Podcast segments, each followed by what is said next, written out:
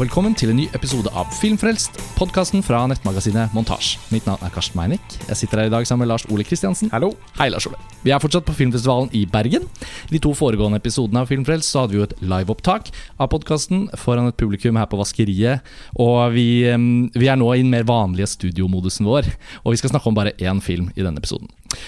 Paul Schraders First Reformed med Ethan Hawke i hovedrollen er en film som eh, gikk litt under radaren egentlig innledningsvis, men som da den fikk premiere i USA Den er distribuert av A24, som jo er et, en etikett for god smak for de som følger med på den slags. Og, og den ble veldig godt mottatt av amerikanske kritikere. Og, og, og hvordan den filmen på en måte kom litt inn fra skyggene, ikke minst fordi Schraders karriere har vært eh, skakkjørt for å si det mildt, en god stund. Det var en av de gledelige tingene i sommer, syns jeg. Den bøssen rundt at First Reform kanskje, oi, det er kanskje Oscar-kandidat, originalmanus, Ethan Hawke etc. Og til vår store glede så ble jo den programmert inn da her på Filmfestivalen i Bergen. Så vi har sett den, og skal rett og slett ha en enkeltepisode om en enkeltfilm, for det er veldig mye å snakke om her. Absolutt. eh, og som du sier, så um, Altså, dette har jo blitt e- en av de mest kritikerroste eh, amerikanske filmene i år. I alle fall med amerikan... Altså, hvis man tenker på de amerikanske kritikernes eh, dom. Og nå snakkes det jo om at First Reformed sannsynligvis kommer til å få en Oscar-nominasjon for beste manus, og at det sjokkerende nok vil være Paul Schraders første Oscar-nominasjon noensinne. Ja, det er sant. Han ble ikke nominert for verken Taxi Driver eller Raging Bull. Jeg må fortsatt klype meg i armen over det. Jeg kan ikke tro det er sant. Taxi Driver regnes som oftest for å være en av, de, eh, altså et av de beste og mest sånn, eh, sånn omdiskuterte, dissekerte eh, Altså et, et, et manus som i seg selv på en måte har vært en kilde til utall, altså sånn utallige lærebøker for manusskriving osv. Men nei, han ble ikke Oscar-nominert. Og han har jo vært en av disse skikkelsene i Hollywood som aldri helt har vært en del av det gode selskap. Nettopp. Selv om han har opplevd eh, suksess. Han har eh, eh, aldri sluttet å være en figur som det henvises til. Eh, Paul Schrader har Én ting var at han hørtes ut som en døende hund da han var gjest på podkasten til Brett Easton Ellis for et par år siden. Eh, han men apropos da hund, så har han, er han også litt en sånn vaktbikkje. En sånn godlynt vaktbikkje som av og til passer på å, å si ifra når eh, gjerne unge filmskapere har laget noe veldig spennende som får for dårlig kritikermottagelse. Eh, eller eh, hvis en eller annen gammel helt har eh, laget noe som virkelig er bra og kanskje litt moderne, men som har blitt helt oversett av kritikerne, så kan Paul Schrader gjerne være den som Nei, men hallo, dette er en av de beste filmene jeg har sett på lenge. Ja, og, og vi ble jo litt enige om å snakke litt om Schrader her i innledningen før vi kommer inn på First Reformed som film, fordi nettopp hans Både hans filmografi og hans karriere, men også hans deltakelse i filmoffentligheten, har hatt en fantastisk eh, et, liksom En reise eller et innhold Det er veldig fascinerende å se på karrieren hans i alle de periodene. st- Ja, han har vært liksom mentorskikkelse for eh, ganske mange. Han er jo også Altså, vel så mye som han er filmskaper, både manusforfatter og regissør, så er han jo en filmformidler. Eh, han er en filmviter. Det er jo det han i utgangspunktet er. Han er en Og han startet som kritiker helt, helt i begynnelsen. Kritiker, hadde- filmviter, altså film scholar, som de kaller det i USA. Han eh, hadde en ganske sånn akademisk, intellektuell tilnærming til film. Eh, han eh, har jo Altså, han er han, han, Ikke minst så har han skrevet boken 'Transcendental Style in Film', som er en sånn vaskeekte eh, filmvitenskapsklassiker. eh, hvor han skriver om det, det det transcendentale stilen, som han kaller den, da, eh, i filmene til Bresson og Dreyer og Ozu. Mm. Eh, fantastisk eh, bok som eh, jeg har hatt glede av å referere til og bruke som inspirasjon i mange skoleoppgaver opp igjennom. Ja. eh, nå begynner det å bli noen år siden. Men altså, han og han eh, Man kan også merke på filmografien til Paul Schrader at han har, ofte har eh, fors- litt, litt på samme måte som det, Jeg kjøper ikke helt denne sammenligningen jeg nå skal komme med, men det bare slår meg som mulig å, å, å trekke den likevel. Altså, litt på samme måte uh, som Olivier Assayas.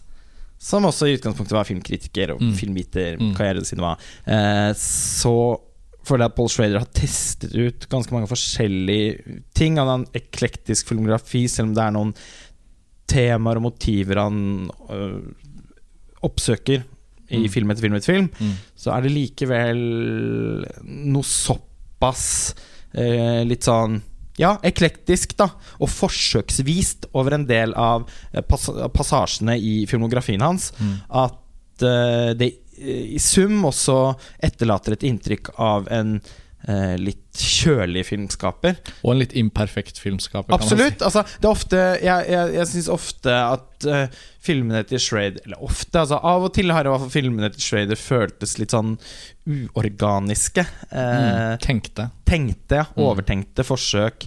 Eh, samtidig som eh, selv de overtenkte forsøksfilmene eh, fra det, Altså, det fins jo også Selv fra hans på en måte gullalder så fins det jo også overtenkte forsøksfilmer, Mm, som på en mm, måte, mm. men som er veldig imponerende og Mm, interessante. mm, mm. Eh, Mishima, for eksempel.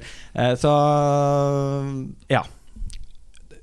Et, et eksempel, eh, bare fordi jeg i sommer leste en biografi om eh, eh, den veldig berømte amerikanske kritikeren Pauline Kales liv og virke.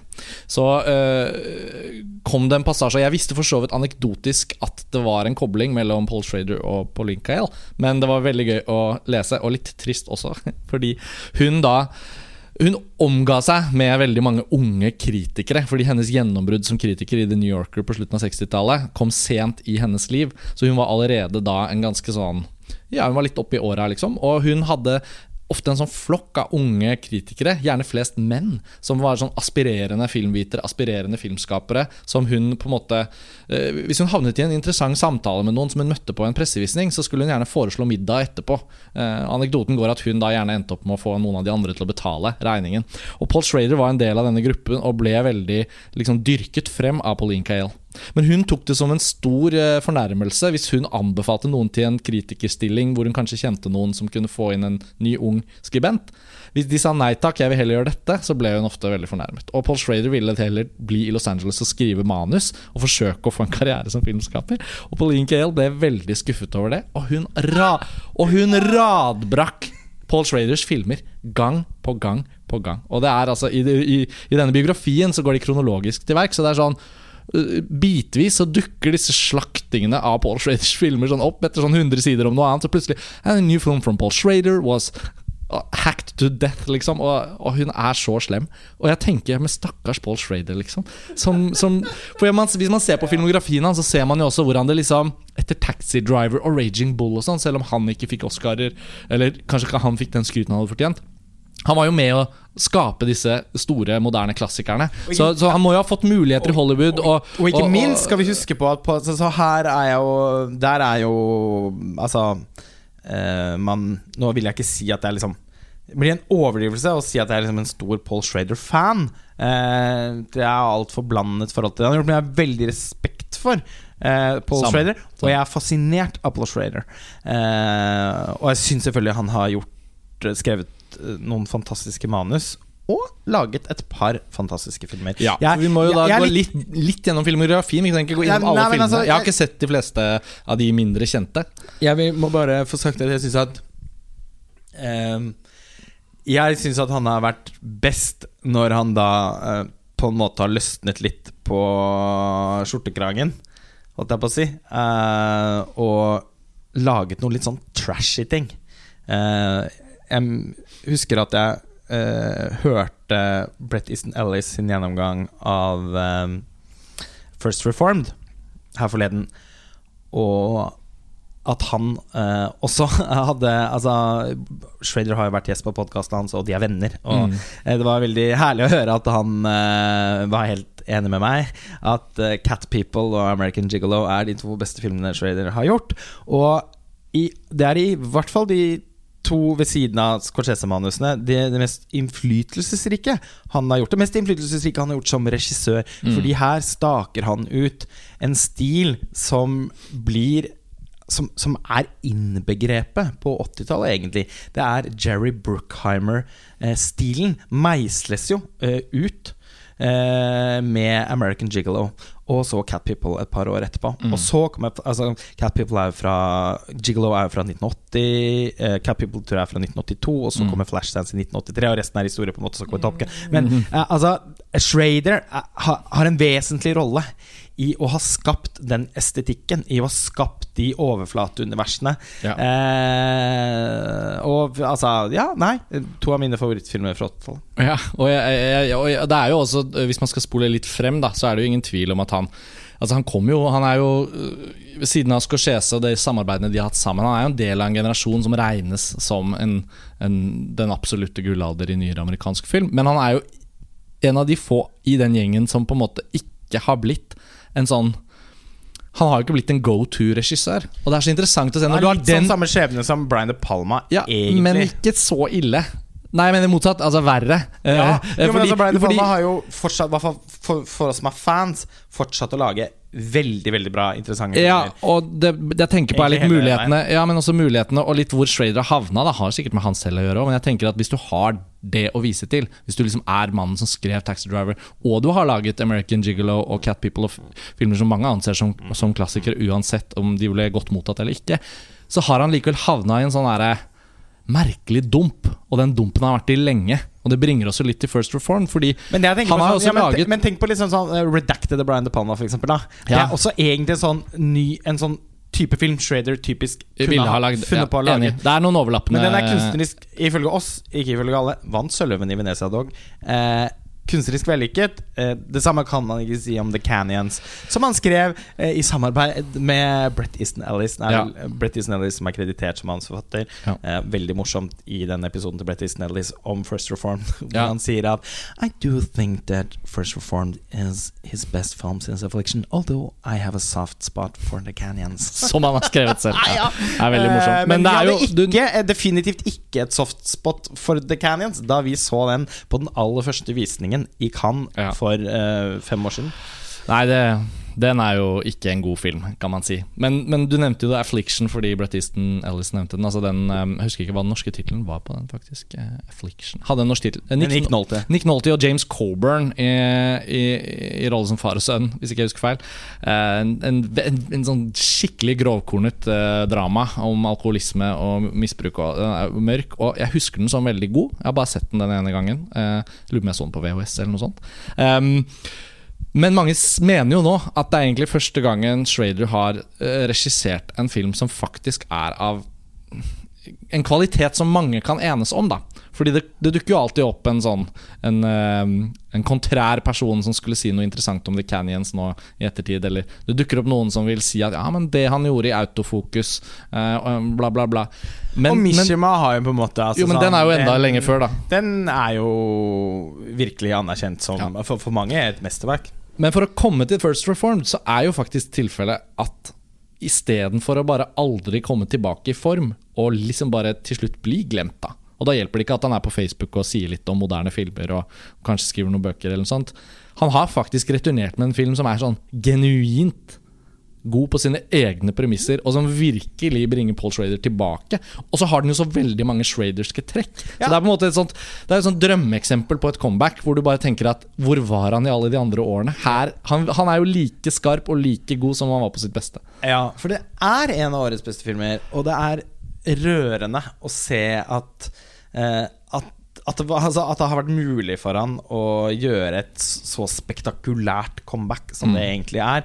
Eh, han har jo nå laget en film som, eh, som er en slags sånn eh, åndelig oppfølger. Vil amerikanere spiritual sequel Ja, eh, til Taxi Driver. Eh, det er liksom tax, Taxi Driver eh, via Bresson og Bergman. Ja. Eh, for, for det første så, så er filmen da et gledelig gjensyn med noen motiver som vi Som vi forbinder med Schrader, og da spesielt Taxi Driver, men også Bringing Out the Dead. Eh, Absolutt. Mm.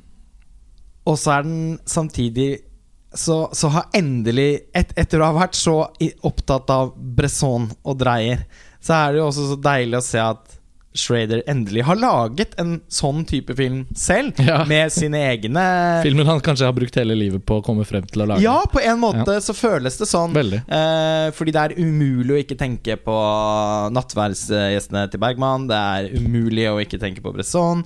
Eh, og Uh, samtidig så føles den genuint amerikansk. Mm. Uh, det er en, en eh, en film som, er, som springer veldig ut av tiden vi lever i. Ja, for den er moderne.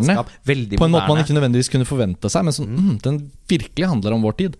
Men den bruker den veldig sånn klassiske Nå må vi jo komme litt inn på hva den handler om. Travis Bickle Ja, er jo selvfølgelig på en måte en arketyp Yes, som, igjen, skulle- som igjen føles meget relevant. Ja, absolutt. Og uh, vi, vi får si litt om plottet her. Uh, vi skal ikke komme med noen spoilere, bare så det er sagt. Men hovedpersonen, som spilles av Ethan Hawke, er da altså en prest. Og han uh, er prest i en meget stille liten by, nærmest søvnig. Han fremstår nesten litt søvnig selv når vi møter han. Eh, han eh, han er prest i en kirke som da heter First Reformed, eh, eh, en, en, som skal markere sitt 250-årsjubileum.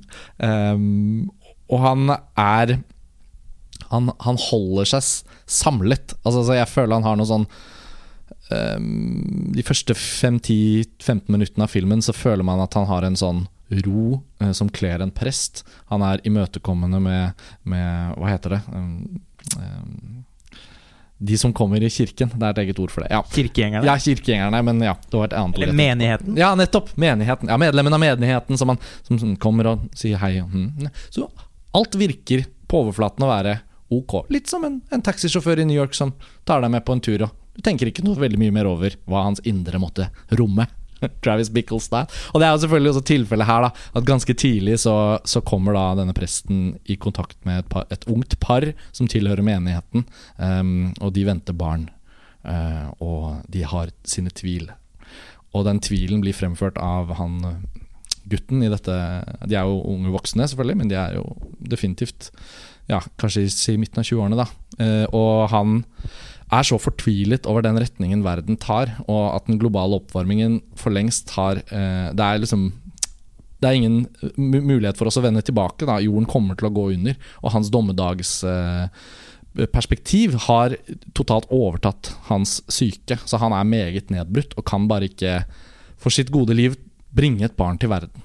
Og det grunnleggende dilemmaet de bringer til presten, viser seg å være et litt tøft dilemma for ham. å- å- å ta tak. Han prøver så godt han kan å være på en måte ja, mm, lyttende og gi råd og sånn, men han kjenner vel kanskje at han ikke kanskje helt strekker til eh, i den rådgivningen. Og så, og så Og så- beveger og- jo selvfølgelig plottet seg Og, og så kjenner han at han er enig da i Ja. perspektivene som Jo, presenteres for han. Dommedagsprofetiene Ja. eh, minner også altså sånn, De blir så slående for han at han ikke helt eh, klarer å overbevise i rollen som den som skal omvende eh, vedkommende til å endre kurs. Og inntrykket vårt av hans liksom, litt sånn polerte, trygge prestehet, den eh, går jo umiddelbart i oppløsning e- etter denne sekvensen hvor man begynner å se nærmere på hvem han er, hvem han er i, i hjemme, hans ensomhet. Hans fortid, altså han har hatt en sønn som har vært i krigen, har blitt drept. Eh, Det, det stiger ting til overflaten i hans bakgrunn som, som, som gir Vi skjønner jo at han er sprekkferdig. Høyt Eh, inntak av sprit. Eh, Selvfølgelig. Eh, og kanskje helsen ikke er helt på topp. Altså så eh, Ganske raskt, og det er en veldig sånn effektiv dramatikk i filmen òg. Jeg synes Med utgangspunkt i en ganske sånn mm, seig åpning. Dødsfascinerende, så det er ikke noe negativt med det, men den tar seg sin tid. Men når den først bikker forbi noen, noen av de første dramatiske punktene, så blir jo dette også en veldig dramatisk film. Fordi vi er så med på hans indre reise, men den har også sånne ytre dramatiske hendelser som er veldig effektive. Vi skal ikke selvfølgelig gå inn på dem for hardt, men parallellen Travis Bickle er jo, er jo løpende gjennom hele filmen. Da. Ja, eh, og det er fascinerende å se hvor god Strader er som historieforteller. Fordi han holder tilbake ganske mye informasjon. Han holder oss på pinebenken. Man er altså nødt til å møte filmen med en viss tålmodighet. For, eh, og, og mange vil nok sikkert sneie innom fasen hvor man eh, flørter med tanken om at mm, ja, dette er jo bra, men, eh, men blir det liksom det, nå, nå føler jeg at jeg vet hva slags film dette kommer til å bli, og Mm. da blir det nok ikke det helt store for meg. Jeg, synes ikke jeg tenkte også det en sånn timinutters Du var med, men du ja, men var altså, er litt med, men liksom, Ok, det blir litt en sånn film. Mm. Det får ikke blodet mitt til å bruse, men, men gøy at han liksom har laget noe som er så solid. da Mm, mm. Ethan Hawk uh, med sitt uh, fantastisk uttrykksfulle, vakre ansikt. Uh. Solid. Dette ordet vi er usikre på om er et kompliment eller ikke. Ja, ikke sant? Så eh, Men så har eh, Paul Schrader vernet om. Han har flere kort på hånden, og han har eh, holdt, holdt de ganske godt skjult eh, før han forsiktig begynner å legge de på bordet. Mm. Og da er det liksom en helt annen kabal Mm. som, eh, som eh, viser seg. Ja, og han har virkelig også på en måte En ting er at dette er jo en ekstremt bra film fra hvem som helst som på en måte kunne ha laget den, men det er klart når vi, når vi har snakket om Schrader og har hans inngang og ser de tematiske trådene fra hans tidligere filmer, og, og, og man begynner å kjenne at det er virkelig et sånt storverk fra en filmskaper som, som har holdt på med noe hele veien, så er det en annen ting som også er så utrolig bra her, og som ikke man nødvendigvis kunne forvente. Og det er jo det at Schraders håndlag med skuespillerne og deres vilje til å gå inn på på en måte på hans nivå Altså Det er en sånn spillestil her som jeg føler er en fantastisk kledelig blanding av sånn realistisk og bra. Men skuespillerne har en tålmodighet med materialet, de òg. Så føler som at det blir ikke sånn forhastet og mast fram. Og Ethan Hawke er virkelig glimrende og glimrende castet. For han har nok sympatisk ved seg, sånn som vi kjenner han som skuespiller, men han har også noe sånn uhyggelig Han har tilgang på noe uhyggelig, og den kombinasjonen kommer veldig godt til bruk her. Og det samme med Amanda Seyfried. Hun er også Som- ja. Som, som er sånn sånn Jeg føler man egentlig- vet at hun er talentfull. Det er bare det at hun har ikke vært i nok gode filmer. Nei, men hun er egentlig alltid bra, bortsett fra i, i det forferdelige Mamma Mia-universet. Uh, men til og med Here We Go Again hadde jo på en måte Altså, den, den led ikke av henne. Nei.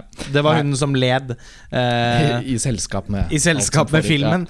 Altså, og det korset skal ikke hun måtte bære, Nei, tenker men, jeg. Fordi at hun har egentlig imponert meg, selv om hun ennå liksom har til gode å få den sånn store rollen hun fortjener, Mm. så var hun veldig bra i Chloé til Atomegoyan. Mm. Hun var jævlig bra i Twin Peaks The Return, selv om hun var altfor lite med. hun er der, ja. Mm. Eh, eh, og hun skulle vært mye mer med, for hun var en veldig bra karakter. Eh, men eh, nå skal vi ikke bevege oss Nei, nei, men- i dit igjen. Men, men begge, eksemplene, begge, begge eksemplene er veldig heldige eh, tilfeller for Schrader. Altså, det er noe med at han virkelig bare traff. Altså, til og med han eh, som spiller eh, Amanda Seyfrieds kjæreste, måtte slå opp navnet hans, Philip Ettinger, en ung skuespiller. Eh, han, han gjør noen vanvittig bra scener, sånn at man blir liksom bare helt revet med. Og, og jeg må innrømme også at tang man husker jo The Canyons, for oss som har sett den. Jeg har aldri tenkt på Schrader som den store skuespillerinstruktøren nødvendigvis. Da. Vi snakket jo om hans liksom, filmintellektuelle bakgrunn, de litt tenkte filmene og sånn. Men noe av det beste med First Reformed er jo hvor vanvittig bra liksom, spilt og gestaltet, og egentlig hele visjonen til Schrader blir så troverdig gjennomført. At når den også tar sånne skikkelige byks, da, både med det visuelle og med liksom handlingene til rollefigurene, så er man så med på det. Og det er en film hvor man lett kunne falt av hvis ikke det var bra nok. Jeg tror det er mye her man ikke hadde trodd på hvis ikke det var perfekt løst. da Det er også den visuelt dristigste filmen Paul Schrader har gjort siden Mishima. Mm. Eh, og den har et par eksperimentelle eh, visuelt eksperimentelle sekvenser som eh, Som også Mm. på en måte er eh, begrenset av budsjett, men som kanskje nettopp derfor bare fungerer. Mm. De kunne så enkelt ha blitt skikkelig cheesy og mislykkede. Og så hadde ikke det gjort så mye. Altså Nei, nei. Noen sånne vorter på nesen til en film har jeg ikke noe problem med. Men eh, Men så er det vakkert. Ja. Eh, og eh, altså, han har stålkontroll. Og det det er bare så gøy og så Ja, og litt overraskende å bare se for seg den gamle sånn slitne gubben da som han er, eh, og som vi hørte på Bretty Snellis podkast. det Ja. var liksom Altså Da tenkte jeg det er siste, det er siste vi hører fra Schrader. Ja, jo, men uff, det er faktisk Dessverre, det. Men altså, det, det var så tungpustet, og eh, og, og da se for han Se han for seg på dette settet her i samarbeid med skuespillerne Mm. og fotografen Mm. og produksjonsdesigneren, og bare naile det. Filmen også mm, hadde vært veldig gøy å, om den hadde vært på 35 mm. Mm. Samtidig så er det noe med det litt sånn det, Dette er jo også litt uh, sånn uh, en, en, en Bergman-Bresson-prest i eh, det digitales tidsalder. Mye internett, mobiltelefoner. Mm. Eh, så sånn sett så passer det i og for seg også at den er skutt digitalt. Det som er helt sikkert, i hvert fall, er at både liksom, ko filmens koloritt og bildekomposisjonene, Mm. eh, som du nevnte innledningsvis, skutt i Academy Radio, Mm. eh, har et eh, Altså, den, har en, den er uttrykks... Den er sparsommelig. Eh, men asketisk, på en måte, Mm. nesten. I, I tråd med en prests Eller det- klisjeen om hvordan en prest lever sitt liv. Mm. Uh, asketisk, men eh, uttrykksfullt iscenesatt. Ja, og, og selve den, eh, den, eh, den eh, altså aspect ratioen, bildekomposisjonen, den er jo veldig sånn argumentert nærmest i begynnelsen. Det første bildet av den kirken kjenner man Ja, denne filmen må være i, i Academy Ratio. Han fotografen er for meg et helt ukjent navn, Alexander Dynan. Han jobbet på Dog Eat Dog, den forrige filmen til Schrader, og før det bare jobbet på kortfilmer og noen musikkvideoer og sånn. Så han, det kan jo også hende at, helt uten sammenligning for øvrig, at Schrader har, har gjort litt det M. Night Shyamalan har gjort. eh, at han kanskje har rekalibrert seg i bildet av yngre samarbeidspartnere. Ja, men det hører- Og- det er og en rett og god slett- sammenligning. Ja, altså, det Shyamalan er plukket jo fotografen ja, Shyamalan så It Follows og tenkte han. Og så plukket han fotografen fra David Robert Mitchell. Og det er noe sånn veldig heldig her over at uh, Schrader åpenbart må ha på en måte kanskje da bare brakt inn litt friskt blod rundt seg. Kanskje det også har hjulpet veldig. eh, Filmen er laget med en letthet som gjør at man også liksom kan Den, den, den, den den, blir, den kommer liksom også på bordet, eh, på, på det ferdig dekkede bordet, eh, som, en, som en ny Steven Soderberg-film, på en ja, måte. Altså, ja, sånn, god sammenligning, eh, enig. Så det har noe sånn, det har noe sånn comeback-aktig over seg, ja, som er veldig gledelig. samtidig som den ikke er ladet med noe sånn eh, Liksom pretensiøse eh, Altså Han prøver ikke å være hipp.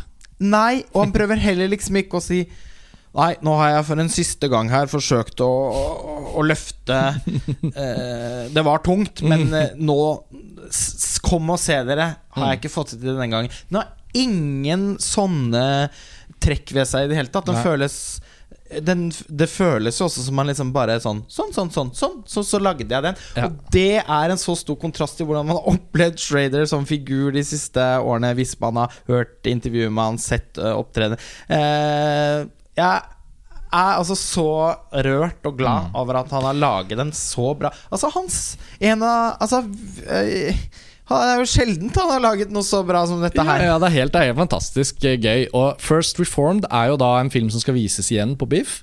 Uh, og så tenker sikkert lytterne Ja, når har den norsk kinopremiere, da? Ikke sant? Når kommer denne filmen? Ethan Hawke i hovedrollen, Oscar-nominasjoner på gang. Høyst sannsynlig blir det jo det. Ja, da kan vi varsle at vi var jo da tilfeldigvis innom platekompaniet her i Bergen i forbindelse med at vi var på festivalen. First Reform den er sluppet rett på video.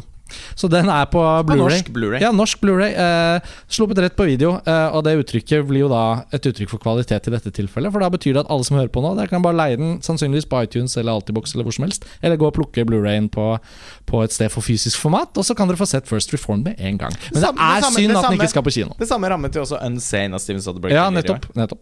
Så det er selvfølgelig en varm anbefaling. Det er også en film som selvfølgelig er veldig morsom å diskutere med spoilers, men vi valgte å ikke gjøre det denne gangen. Så det, det, det brygger jo for noe årsliste og noe, noe, en retur til First Reformed, eh, hvis, hvis ikke dette året blir så bra at den dessverre må ned på hederlig omtale. Vi får se. Men eh, det er i hvert fall en fantastisk bra film. Varm anbefaling til alle som er på Biff, og selvfølgelig bare å plukke den da fra hylla, de som vil se den hjemme. Yes. Eh, det var det for denne episoden. Lars Ole, takk for nå. Takk for nå. Ha det bra.